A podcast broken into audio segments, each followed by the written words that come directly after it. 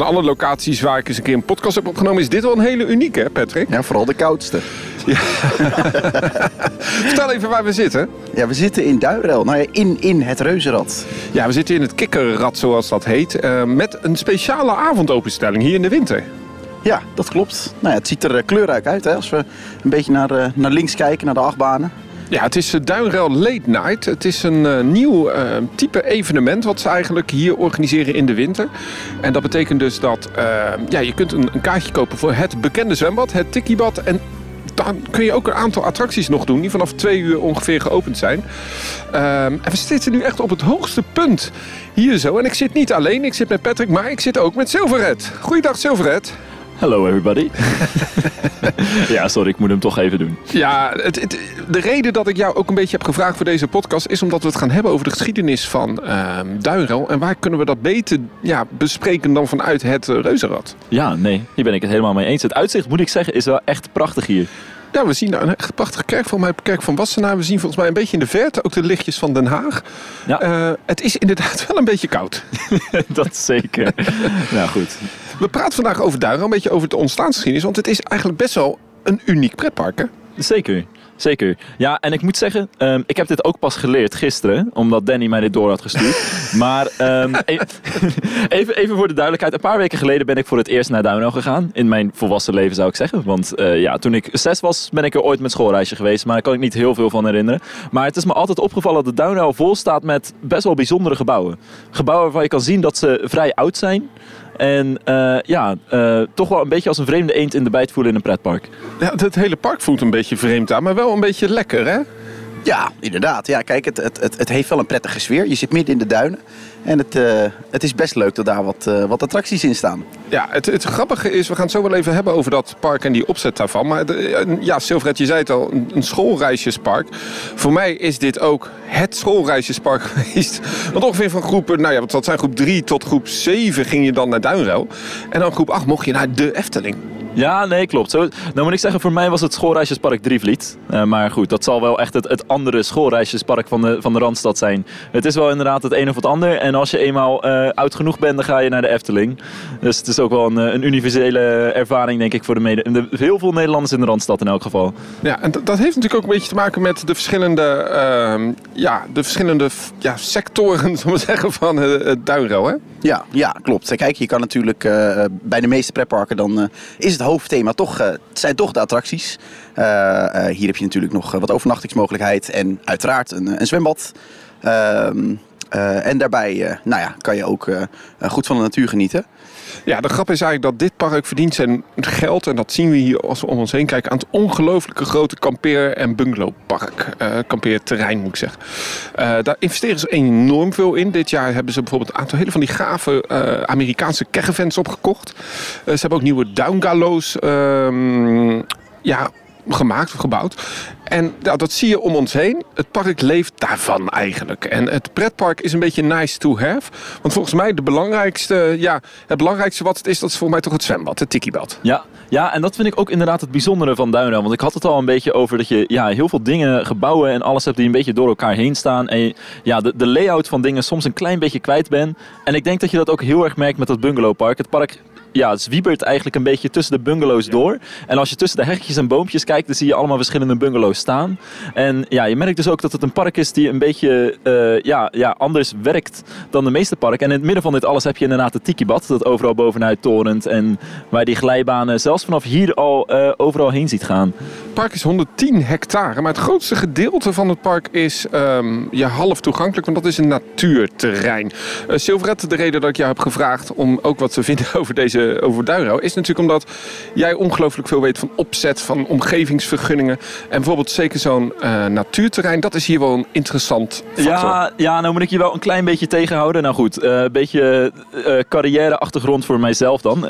ik heb stadsgeografie gestudeerd in Brussel. En ik ben nu bijna twee, twee jaar werkzaam in Sliedrecht. Um, als beleidsadviseur in de ruimtelijke ontwikkeling. Ehm, dus ik weet wel het een en ander.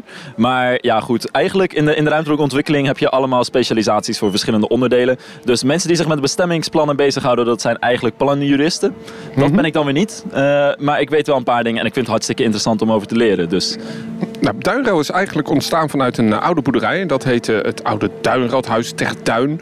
En dat heeft natuurlijk ook te maken met de natuur die we hier zien. Want een belangrijk onderdeel van Duinrel is dat hier de grootste, de grootste duin is eh, in Zuid-Holland volgens mij. Zandduin. Dat is, eh, ik zie jullie allebei knikken, dus dan klopt dat. Volgens mij wel, ja. Ja, er staat Ja. ook een uitkijktoren op. Ja, dat klopt. Bovenaan de, eh de Rodelbaan. Dat hè? is inderdaad, ja, de ja. Rodebaan gaat daar omhoog. Ehm, en, en misschien wel leuk om te vertellen dat de naam Duinrel dus deels te danken is aan die duin. Hè, dat het in een duinachtig gebied zit, net eh, buiten Den Haag. Maar eh, rel, wat betekent een rel? Ja, eh, dit, ook dit is weer iets. Ja, dit komt allemaal door Danny hoor, moet ik zeggen dat ik mijn onderzoek heb gedaan. Dit komt ook niet allemaal uit mijn hoofd zomaar. Maar ehm, ja, ik heb dit ook gisteren een beetje ontdekt. Schijnbaar. Nou goed, er komt natuurlijk een hoop kwelwater uit duinen. Allemaal eh, ja, water dat toch best wel zoutig is. En op de een of andere manier moest dat afgevoerd worden. Eh, daarvoor is een slootje aangelegd. Dit slootje kun je ook door duinruil zien lopen. En een duinruil is ook wel een ander woord voor zo'n slootje. Dat dit kwelwater afvoert, zodat het niet zomaar in de rest van ja, het water hier terecht komt. Ja, eigenlijk kun je zeggen dat eh, het water onder druk komt te staan op gro- ondergronds. En dat moet even ergens omhoog. En dan krijg je dus een soort meertje, een soort ja, een stroom water. En inderdaad, om dat goed te managen, watermanagement, heeft men hier dus die eh, sloten aangelegd. Toch weer interessant. Ik, eh, ik wist dat nog helemaal niet. Dus Nou, de grap weer is, wat geleerd. De grap is ook dat het landgoed waar Duinruil is opgebouwd, dat had vroeger een enorm huis. En om zo'n prachtig huis werden natuurlijk tuinen aangelegd. En eigenlijk een beetje door de inspiratie van de koning destijds, koning Willem II, derde of zoiets, dat weet ik niet exact. Ehm, maar wat men dus eigenlijk niet zegt op hun eigen internet, is dat men uiteindelijk deel van het terrein heeft opengesteld. En dat heeft men gedaan om belastingtechnische redenen. Want het was namelijk zo, als je landgoed aanbiedt aan de natuurschoolwet, dus openstelt voor het publiek, deels, en dat mag zelfs met een betaling, dan hoef je gewoon minder belasting te betalen. Er zijn wel regels voor hoor. Eh, bijvoorbeeld moet je wandelpaden aanleggen. Eh, op elke hectare bos moet er minimaal 50 meter wandelpad zijn aangelegd en ook worden aangeboden. En vaak eh, hier in de omgeving heb je heel veel landgoeden.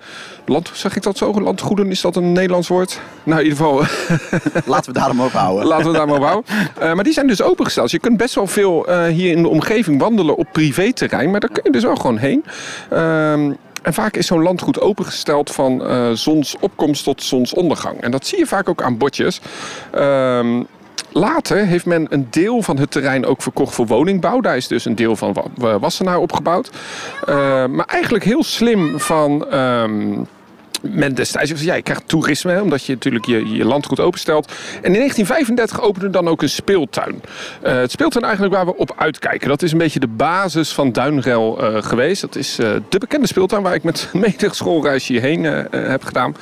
Ehm, en wat ook nog wel leuk is om te vertellen is dat dit landgoed waar we dus op bevinden eigendom is van de familie van Zuilen van Nijenveld. En dat is een familie van een adellijk geslacht. vooral bekend in Rotterdam. Daar hebben ze een beetje het Rotterdamse bestuur gezeten. En later ook in het landelijke bestuur. Het leverde maar liefst drie eh, leden onder de Nederlandse regering, die familie. Eh, en onder wie twee ook echt daadwerkelijk premier werden. En de, de- de grap is dat dat nog verder gaat zelfs. Want de huidige vrouw van de eigenaar... die is hofdame van koningin Beatrix geweest. En daarna van koning Willem-Alexander.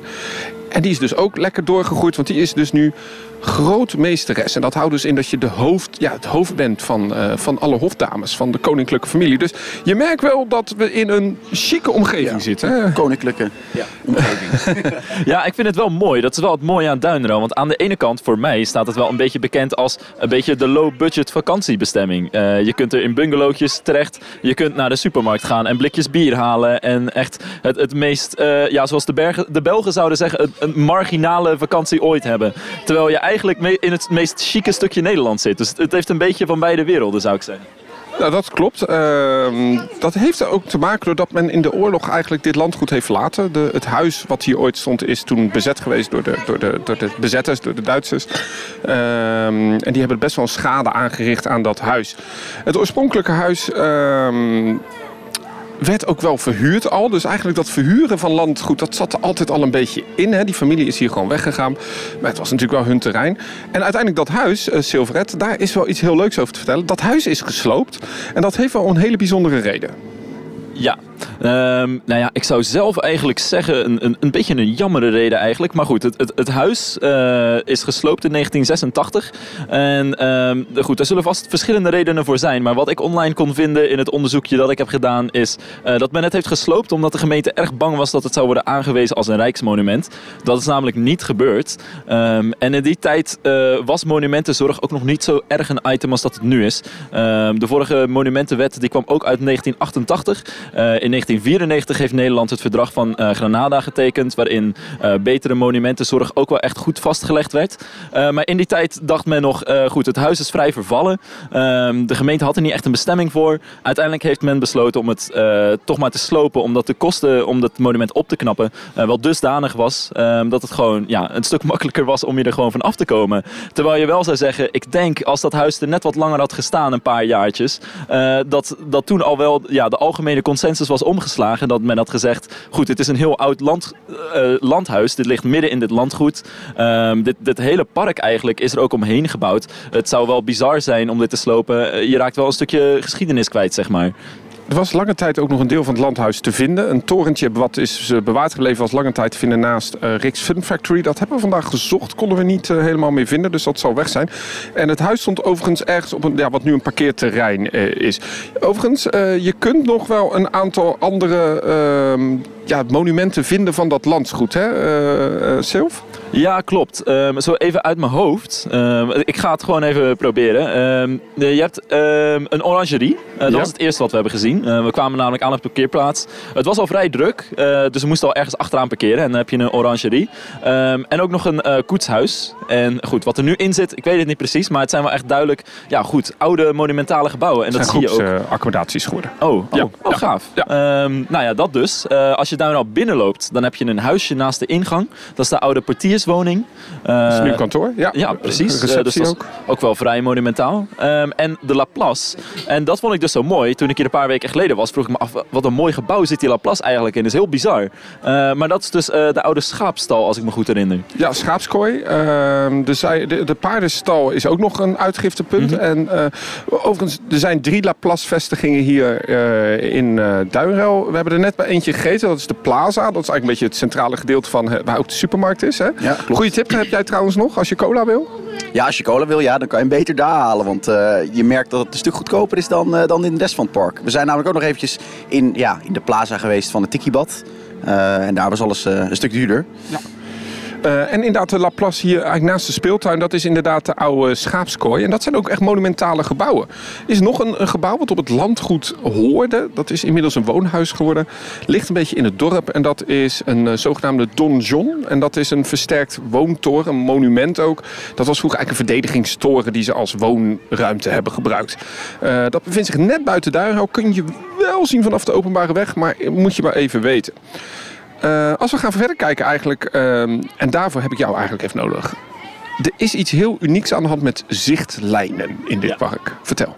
Ja, wat dus, wat dus heel bijzonder is, is Download heeft een bestemmingsplan. En een bestemmingsplan, goed, dat is iets wat de gemeente vaststelt om uh, de bestemming van een, een bepaald, bepaalde locatie uh, vast te klikken. En daar zit, daar zit allerlei ruimtelijke ontwikkelingsinformatie in, um, allerlei regels, uh, noem alles maar op. Um, maar Download heeft een eigen bestemmingsplan. En in dit bestemmingsplan zit informatie opgenomen over historische zichtlijnen. En ik weet even uit mijn hoofd niet meer wie dat onderzoek heeft gedaan, maar dat kan Danny vast wel uh, toelichten. Uh, er zijn namelijk nee, zes verschillende zichtlijnen. Zeven zelfs. Zeven zelfs. Uh, zeven verschillende zichtlijnen die zich richten op de locatie van het oude huis dat dus in 1986 is gesloopt. en waar nu op, precies op die locatie ongeveer een parkeerplaats ligt. En deze zichtlijnen die zijn ooit zo bedacht omdat ja, het landgoed rondom het landhuis, dat, dat zou natuurlijk alle tuinen daaromheen die zijn zo ontworpen dat je vanuit verschillende oogpunten uh, dat huis kan zien. En natuurlijk ook de andere kant op. Dat je verschillende delen van de tuin kan zien wanneer je op de plek van het huis bent. Um, dus dat is echt gewoon ja, een stukje klassieke ruimtelijk landschappelijk ontwerp. Uh, maar inmiddels is dat huis natuurlijk al lang gesloopt. Um, maar wat nog wel enigszins in stand is, eh, zijn de historische zichtlijnen. Af en toe heb je gewoon ja, eh, gaten in, in, de, in de heggen of in de bomen of wat dan ook. Het, algemene landschappelijke ontwerp dat zo gericht is op een aantal zichtlijnen van en naar de locatie van het oude huis. Eh, dus wat heeft men nu in het bestemmingsplan vastgelegd?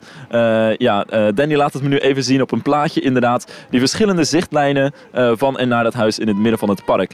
En ehm, in het onderzoek wordt wel gekeken naar ja, in hoeverre zijn deze zichtlijnen nu nog, nog steeds relevant.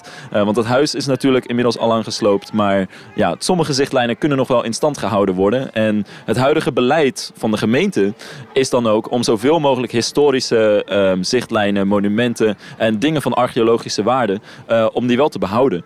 Ehm, dus ja, in elk geval wat ik van het, het onderzoek heb gelezen, is dat de meeste zichtlijnen, daar zegt men van, goed, dat, ja, dat kunnen we wel vergeten. Eh, er staan in, intussen zoveel attracties en bomen tussen, Ehm, daar heb je niet echt meer iets aan. Eh, maar op de kaart aangegeven, eh, zichtlijn 1 en 2, eh, die zouden nog enigszins eh, behoudbaar zijn. Want er staan ja, alleen begroeiing die iets te ver is gegroeid, zeg maar niet genoeg is gesnoeid. En wat kampeerplekken die staan daar in de weg.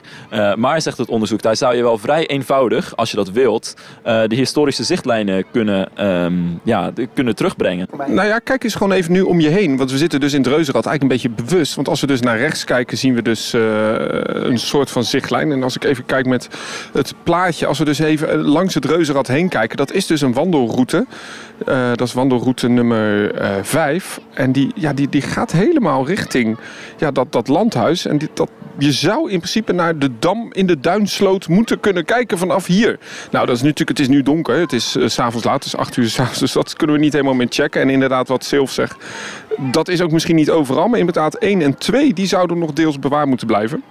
Maar dat betekent dus dat de ligging heel belangrijk is. Je kunt dus hier niet naast het plein, waar dus het reuzenrad staat, zomaar iets bouwen. Dat mag niet. En dat is dus heel uniek hier eh, van deze locatie. Het is dus ja, echt wel beschermd. En de enige die eh, hier iets over mag vinden als je iets wil bouwen, dat zijn de burgemeesters en wethouders. Ja, ja, en dat was nog een heel interessant verhaal inderdaad. Want dit kwam ik tegen toen ik wat verder onderzoek ging doen. naar ja, hoe zit dat nu met het cultureel erfgoed van Duinruil? Ehm, het schijnt namelijk dat in het bestemmingsplan dat in 2015 is aangenomen... ehm, hier eh, een, een advies over ehm, omgevingsvergunningen in staat... eh, wat van een welstandscommissie van cultureel erfgoed moet komen. Nu is het vrij logisch dat welstandscommissie hun advies uitbrengen over ja, eh, plannen wanneer zich deze ontwikkelen. Maar eh, in dit bestemmingsplan ehm, stond ja, min of meer, het stond er niet zo in, opgeschreven, maar er stond min of meer in dat de welstandscommissie ja, eh, uiteindelijk het beslisrecht heeft eh, dat hun negatieve advies ook echt betekent dat een omgevingsvergunning niet kan worden afgegeven. En toen is Duinrel eh, onder andere nog richting de Raad van State gegaan om zich ja, daartegen ja, op op de een of andere manier iets aan te doen. Want zeggen zij, dat is niet de bedoeling. Een omgevingsvergunning, daar moet uiteindelijk de definitieve beslissing bij het college van burgemeester en wethouders liggen. En na eh, volgens mij een, een strijd van jaren, maar ik zal hier het fijne niet van weten. Maar ik las op de website van de Raad van State een besluit uit 2018. waarin uiteindelijk Duinruil gelijk heeft gekregen. eh, dat deze regel in het bestemmingsplan ongegrond was. En dat het bestemmingsplan gewijzigd moet worden. Want inderdaad, uiteindelijk, als het gaat om het geven van die omgevingsvergunning. voor wat voor gebouw of wat dan ook Duinruil zou willen bouwen. dan is de laatste beslispunt, het laatste besluitmoment komt van het college van burgemeester en wethouders in eh, Wassenaar. Ik denk dat veel mensen de, al een beetje kwijt zijn. Dat het is best ingewikkeld. Het is ingewikkelde materie, maar het is wel interessant omdat ehm, het ontstaan van dit park en de groei van het park dus heel erg afhangt van de omgevingsvergunning uiteindelijk en van de vergunningen die daar omheen gaan. En En daarom is het park ook bijzonder, hè? Nou ja, daarvoor is het ook zo raar gegroeid. Hè? We Ja, zeiden net van het is een beetje om dat bungalowpark heen gegroeid. Het terrein heeft maar liefst 17 verschillende bestemmingsplannen. Dus die, al die hectare, die hebben dus 17 verschillende. Dus je mag niet overal maar wat bouwen. En dat betekent dus eigenlijk dat je drie plukjes pretpark hebt. Je hebt een beetje het sprookjesbosgedeelte. Je hebt het een beetje rond die speeltuin. En dan heb je die achtbanen die zich wat achter in het park eh, bevinden. En dan heb je natuurlijk ook nog het tikkiebad. Ja. Ja, nee, precies. Ehm, en, en een kleine correctie daar. Het, het heeft niet verschillende bestemmingsplannen, maar echt verschillende bestemmingen. Uh, dus in een bestemmingsplan uh, creëer je vaak een kaart waarin je die bestemmingen over elkaar heen legt en zegt: Oké, dit is bijvoorbeeld uh, industriezone 2. En dat is dan een bepaald soort type grond en daar sta je bepaalde activiteiten in toe. Um, en wat, wat ook zo is, wat ik misschien nog wel aan mijn verhaal van net kan toevoegen, is Duinro heeft natuurlijk een eigen bestemmingsplan. Maar Wassenaar heeft een, zoals dat heet, een paraplu-bestemmingsplan voor het hele grondgebied van de gemeente. En een paraplu-bestemmingsplan dat gaat echt over alles. Dus echt het hele grondgebied van, van de gemeente dus. terwijl een normaal ja, bestemmingsplan, daarin kies je een stukje land uit en zeg je oké, hier mag je dit en dit doen. En die paraplu-bestemmingsplan, dat ging dus over cultureel erfgoed. en dat, ja, dat, dat was dus ook een beetje het pijnpunt wat betreft het geven van omgevingsvergunningen en dergelijke. Want, dus wat je dus ziet is ja, dat er en een bestemmingsplan ligt en dat paraplu-bestemmingsplan op de grond van Hier in Wassenaar. En dat maakt het allemaal gewoon ontzettend gecompliceerd om ja, hier dingen te doen en te bouwen. En dan heb je ook nog die zichtlijnen. Je hebt dus een soort van bewaarde ja, plicht die je moet hebben aan de oorspronkelijke bestemming van de grond. Hè. Dus dat die, met die zichtlijnen, met die tuinen en zo, die eigenlijk alweer weg zijn. Um, en je merkt dat er zeer beperkte oppervlakte mag worden bebouwd. En dat is dan wel interessant als we gaan kijken naar die achtbanen. Die bijvoorbeeld Dragonfly, die openen. Heel klein station. En ik hoor heel veel mensen altijd zeggen, ja, dat is zo krap.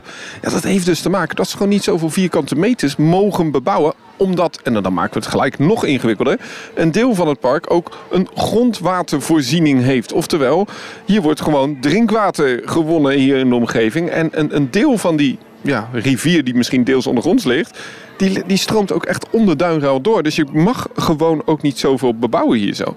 Um, en dan heb je ook nog de buurt, hè, die eigenlijk tegen het grondgebied is aangebouwd.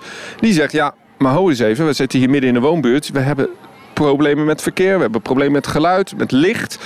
Het is ongelooflijk ingewikkeld voor de familie uiteindelijk om hier natuurlijk een park te, te, te maken. En dan moet ik toch heel eerlijk zeggen, dat, hebben ze toch aardig goed gedaan ja, precies, dan met al die wat dat betreft, uh, bijzonder dat ze toch nog uh, uh, een, een, groot aantal attracties hebben. zeker aan de achterkant van het park. die, nou, die niet voor een gemiddeld pretpark onderdoen. Een van de eerste attracties in het park was de skibaan, in 1938 geopend. het leuke was, dat was van de, op, vanaf een duin, een deel van de duin. En dat waren gewoon dennennaalden waar je afging. Later is dat een borstelbaan geworden. En die, en die is nu inmiddels weg. En dat heeft te maken dat het een beetje ruil is van attracties. Want in ruil dat ze die skibaan zouden weghalen en dus weer zouden teruggeven aan de natuur, die grond, konden ze de, uiteindelijk de Falcon eh, bouwen. In 1953 kwamen de eerste kampeervelden, in 1959 de eerste camping en in 1965 eigenlijk de eerste attracties. Ehm, denk aan uh, de, het speeltuin en het Sprookjesbos. In 1968 werd het, het zwembad buiten geopend ehm, en 1984 het Tiki-bad. De kikkerachtbaan werd een jaar later geopend. En uiteindelijk werd het park in al die jaren, in 1988 bijvoorbeeld de monorail, de aquaswing, het reuzenrad waar we nu in zitten. Um, en in 1997 wel een hele bijzondere achtbaan die eigenlijk nooit heeft uh, gedraaid. Ja, we zien natuurlijk nog wat restanten ervan in het, in het tikkiebad. Hè?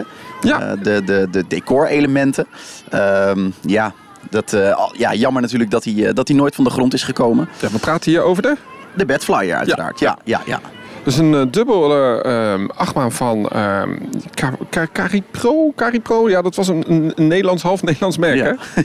ja, Caripro, ja. Ik, uh, ik heb nooit in een achtbaan ervan gezeten, maar ik heb alle on-rides gezien op YouTube. En dat is wel echt gaaf materiaal. Uh, er stond er een in de, de Vleermuis in, um, in Plopsaland te pannen. Eigenlijk had hij dezelfde covers die nu hier in het Tikkiebad hangen. Dus die Vleermuizen. Die is weg vanwege capaciteit. Hij was gebouwd tegen de helling aan, eigenlijk over de rodelbaan heen. Ook weer slim gebouwd. Maar kwam eigenlijk het parcours niet door. En als hij het parcours doorkwam, dan trok hij veel te veel G-krachten voor, de, voor het ontwerp. Uiteindelijk heeft men nog gekeken van kunnen we hem nog powered maken. Maar dat kostte zoveel, het heeft eigenlijk niet gewerkt. Grote drama, want uiteindelijk eh, pas in 2002 werd hij uit het park gehaald. Maar heeft nooit gedraaid voor het publiek. Maar we zien natuurlijk wel wat restanten van het station hè? Ja. Daar zit nu de, de, ja, opslag... Daaronder zit een treintje. Een treintje. Ja, tegenover de, de, de, de, de, hoe heet het? De zweefmolen. 2009 werd eigenlijk dus Rick's Delight uh, aangekondigd. Rick's Delight, inmiddels een nieuwe naam, de Falcon. is een kopie van een uh, achtbaan die al eerder bestond. Uh, maar dit is wel een hele bijzondere... achtbaan omdat die ook deels dus is gemaakt op kermisondergrond of zo. Hè? Ja, ja, precies. Hè. Hij bevat uh, daardoor geen uh, fundering. Uh, wat daar precies de reden van is, ja, dat moet je me bespaard. Nou, dat heeft te maken gewoon dat het grondwatervoorziening is. Dus ah, je kan niet zomaar fundering ja, hier ja, liggen. Ja, en dat moet natuurlijk demontabel zijn. Efteling doet dat ook. Hè. Die mag maar een procent aantal bebouwen in het park. En die zet dus heel veel van die Unox-kramen neer. Maar die zijn gewoon, die zijn gewoon weg te halen. Er zit geen fundering onder, dus het is geen bebouwing. Um, en, en, Dragonfly openen in, in 2012. Ja, als ik nog even vervelend mag doen over bestemmingsplannen en dergelijke. Ja, ik denk dat er heel veel mensen al in slaap zijn gevallen. Waarvoor excuses. Aan de andere kant, als jullie een slaaptekort hadden, dan uh, you're welcome. Nee, maar um, dat, dat zie je ook vaak gewoon in stedenbouwkunde in het algemeen. Iets wat tijdelijk is, dat hoef je niet helemaal vast te leggen in je bestemmingsplan. Dus ja, uh, tijdelijke huisjes en woonvormen en dat soort dingen. Dat is altijd makkelijk om ruimtelijk ergens kwijt te kunnen. Want ja, dan kun je net een beetje om die regeltjes heen. Dus ook wel tof om te zien hoe pretparken dat bijna op dezelfde manier doen als bijvoorbeeld steden of gemeenten. In 2012 opende de Dragonfly en dat is ook wel een hele bijzondere layout, hè? Ja, ja die layout is, uh, nou ja, eigenlijk, je kan wel zeggen, gebaseerd op de bomen die er al stonden. Uh, ze zijn, uh, nou ja, we hadden het net natuurlijk al even over hoe lastig het is om, om vergunning te krijgen, hè, om, om hier nieuwe attracties te bouwen. Ehm, die, die is letterlijk om de bomen heen ontworpen. En je wist me zelfs te vertellen dat, dat een aantal van die achtbanen gekopieerd zijn in andere pretparken. Ja, dit is een originele layout, maar uiteindelijk is hij in Belantis terechtgekomen ergens in Turkije. En eh, ook een hele bijzonder klein station. Ja. En de aansturing van de boosterwielen heeft ook een apart iets, omdat hij dus in de winter ook kan draaien. Dus vandaar, het is nu, uh, het zit in maart. Uh, het is inmiddels gaat het richting het vriespunt, heb ik zo het idee. Het is vrij koud. ja, we zitten nog steeds in het reuzenrad trouwens. Uh, dat zullen we horen op de achtergrond. Maar, uh, en hij draait nog steeds. Dus volgens mij is dat hartstikke goed.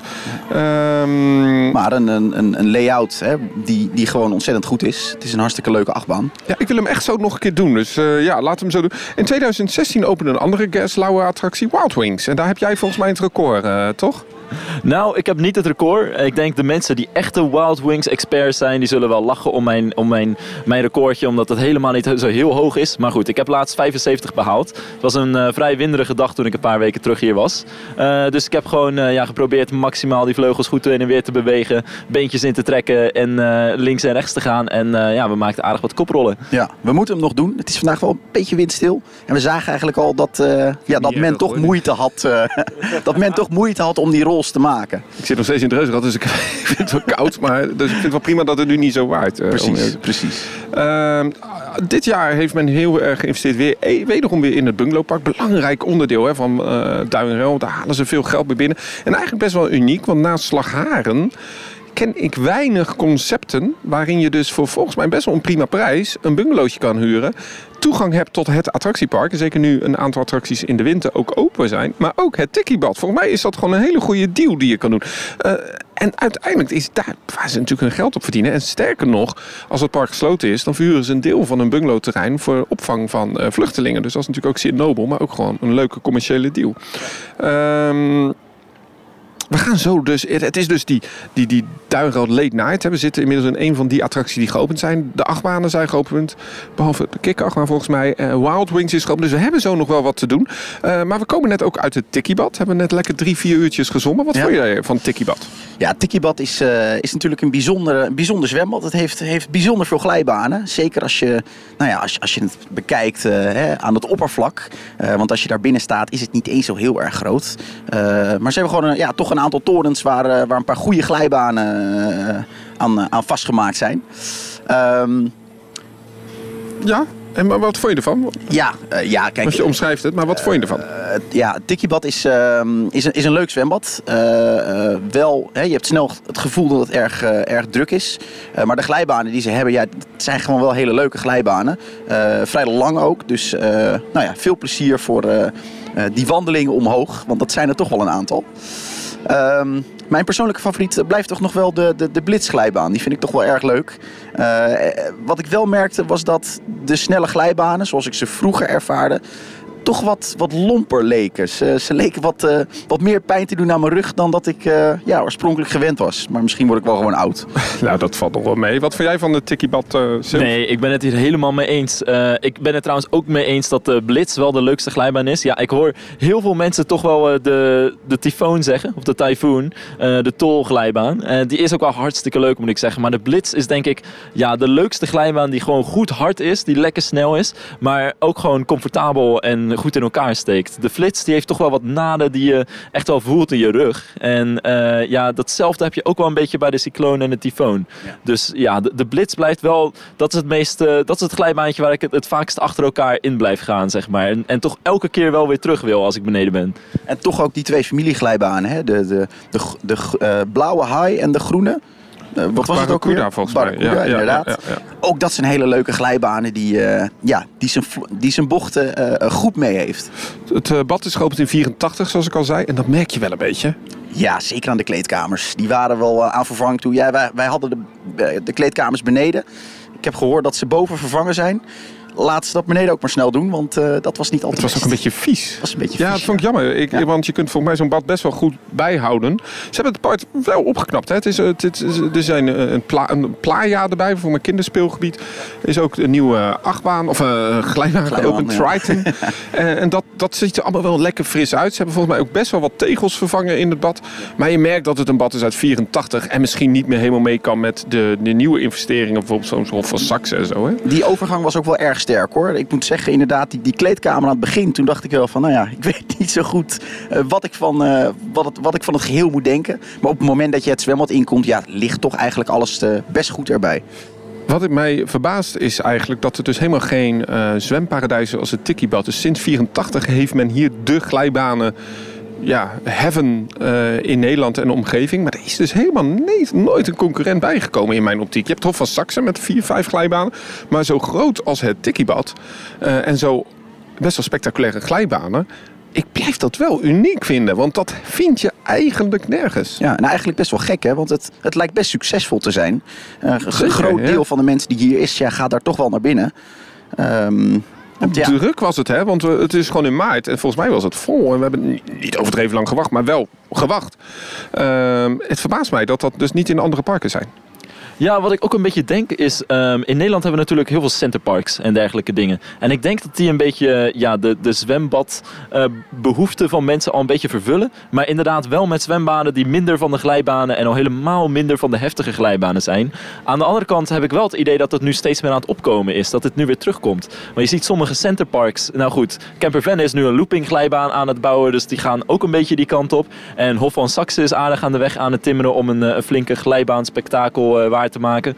Dus ik denk wel dat we een beetje weer die kant op gaan. Maar nee, je hebt helemaal gelijk. Het, eh, het is een hele lange tijd is het Tikkiebad eigenlijk ja, de, de- een- aan de eenzame aan de top gestaan, denk ik. Ja, en je had het al even over centerparks. Dat is misschien wel een, een element wat de Tikkiebad dan naar mijn idee toch wel mist. Dat, ja, het is toch allemaal vrij kaal en daardoor zorgt het er wel voor dat, dat al die geluiden wel flink versterkt worden. Dus zelfs als het niet eens zo heel erg druk is, ja, dan kom je wel in een soort kippenhok van, eh, van geluiden uit. Dat merk je heel erg. Je merkt dat het bad uit 84 is. Dat merk je aan alles. Zeker als je naar de nieuwe eh, baden gaat. En daar zit wel een gevaar in. Hè? Want als je het sinds 84 hebben ze het wel bijgehouden. Maar geïnnoveerd is het niet.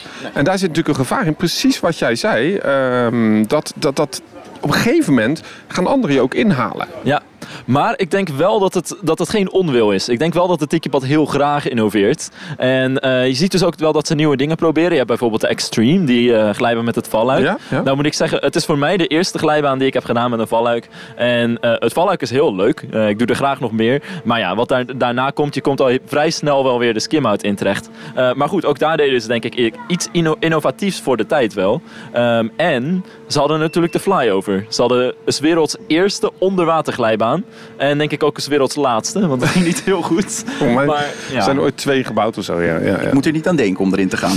Nee, ik, ik ben helemaal geen held in glijbanen. Ehm, maar, je had het net wel eventjes over die, over die innovatie die ze doen. Ze, ze, ze brengen her en der wel wat, wat thematisatie aan. Hè? Dus dan heb je het vooral over de, de, de eindpunten van de, van de wachttorens als het ware. Ja, daar, daar zit her en der wat, wel wat thematisatie om het iets, eh, iets op te fleuren. Absoluut. Ehm, en dan merk je in het park, ze houden het allemaal best wel oké bij. Eh, we hebben we, niet zo heel veel gezien vandaag nog. We gaan zo echt nog een uurtje even knallen. Ehm, maar het park ligt er zeker voor in de winter prima bij. Grappig ook natuurlijk dat nu eh Duinrel eigenlijk ook bijna het hele jaar geopend is. Niet volledige week, de attracties niet. Natuurlijk het Tikibad wel. Eh, maar eigenlijk is dit een van de parken die nu ook een jaar rond openstelling hebben. En dat is ook eigenlijk wel uniek te vinden. Ehm, En dat betekent weer dat Duinrad toch volgens mij best wel lekker aan die top blijft eh, hangen qua bezoekersaantallen. Maar vind jij het echt een, een, een, een park wat jaar rond open kan? In, in, in combinatie met zo'n zwembad wel, ja. Ja, ik merk wel dat we vandaag vier uurtjes in het zwembad uh, rondgehangen. We hebben eigenlijk, nou nu de podcast kost wat tijd, maar we hebben eigenlijk nog maar een uurtje zo om wat dingetjes te doen. En we zijn toch hier om drie uur uh, gekomen. Dus volgens mij is het aanbod dan perfect. En ik heb dus even gekeken. En dit vinden jullie misschien wel leuk. Een, een premium duingalo voor zes personen. Kost, als ik volgende week zou gaan, midweek, dus dat is vier, uh, dus de drie nachten, vier dagen. Uh, voor zes personen 540 euro.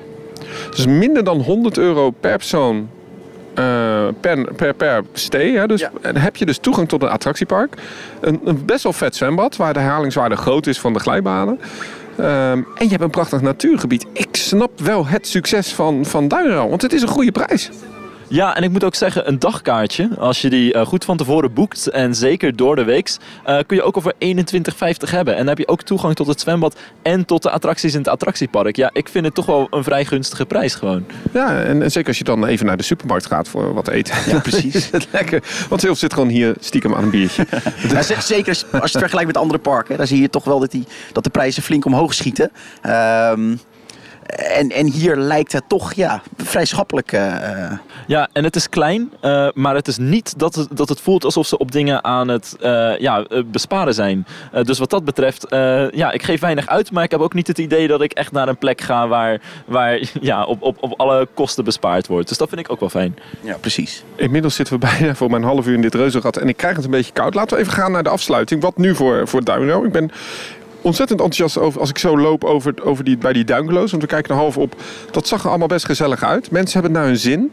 Uh, horeca, moi. Ik vond de schoonheid van het tikkiebad moi, dat komt wel beter. Vooral die dingen. Komt wel iets beter, hè? voornamelijk uh, die kleedkamers. Maar ja. als we gewoon heel eerlijk kijken naar de prijs-kwaliteitsverhouding, dan denk ik, zeker als je hier op een, op een midweekje zit, dat je gewoon een barbecue'tje erbij in de zomer, het zal wel iets duurder zijn, hoor, maar ja, dat is volgens mij perfect. Ja, prima en, tijd. Een met, bingootje. Ja. en je hebt, we zijn nog hier een kroeg, heb je nog een bowlingbanen.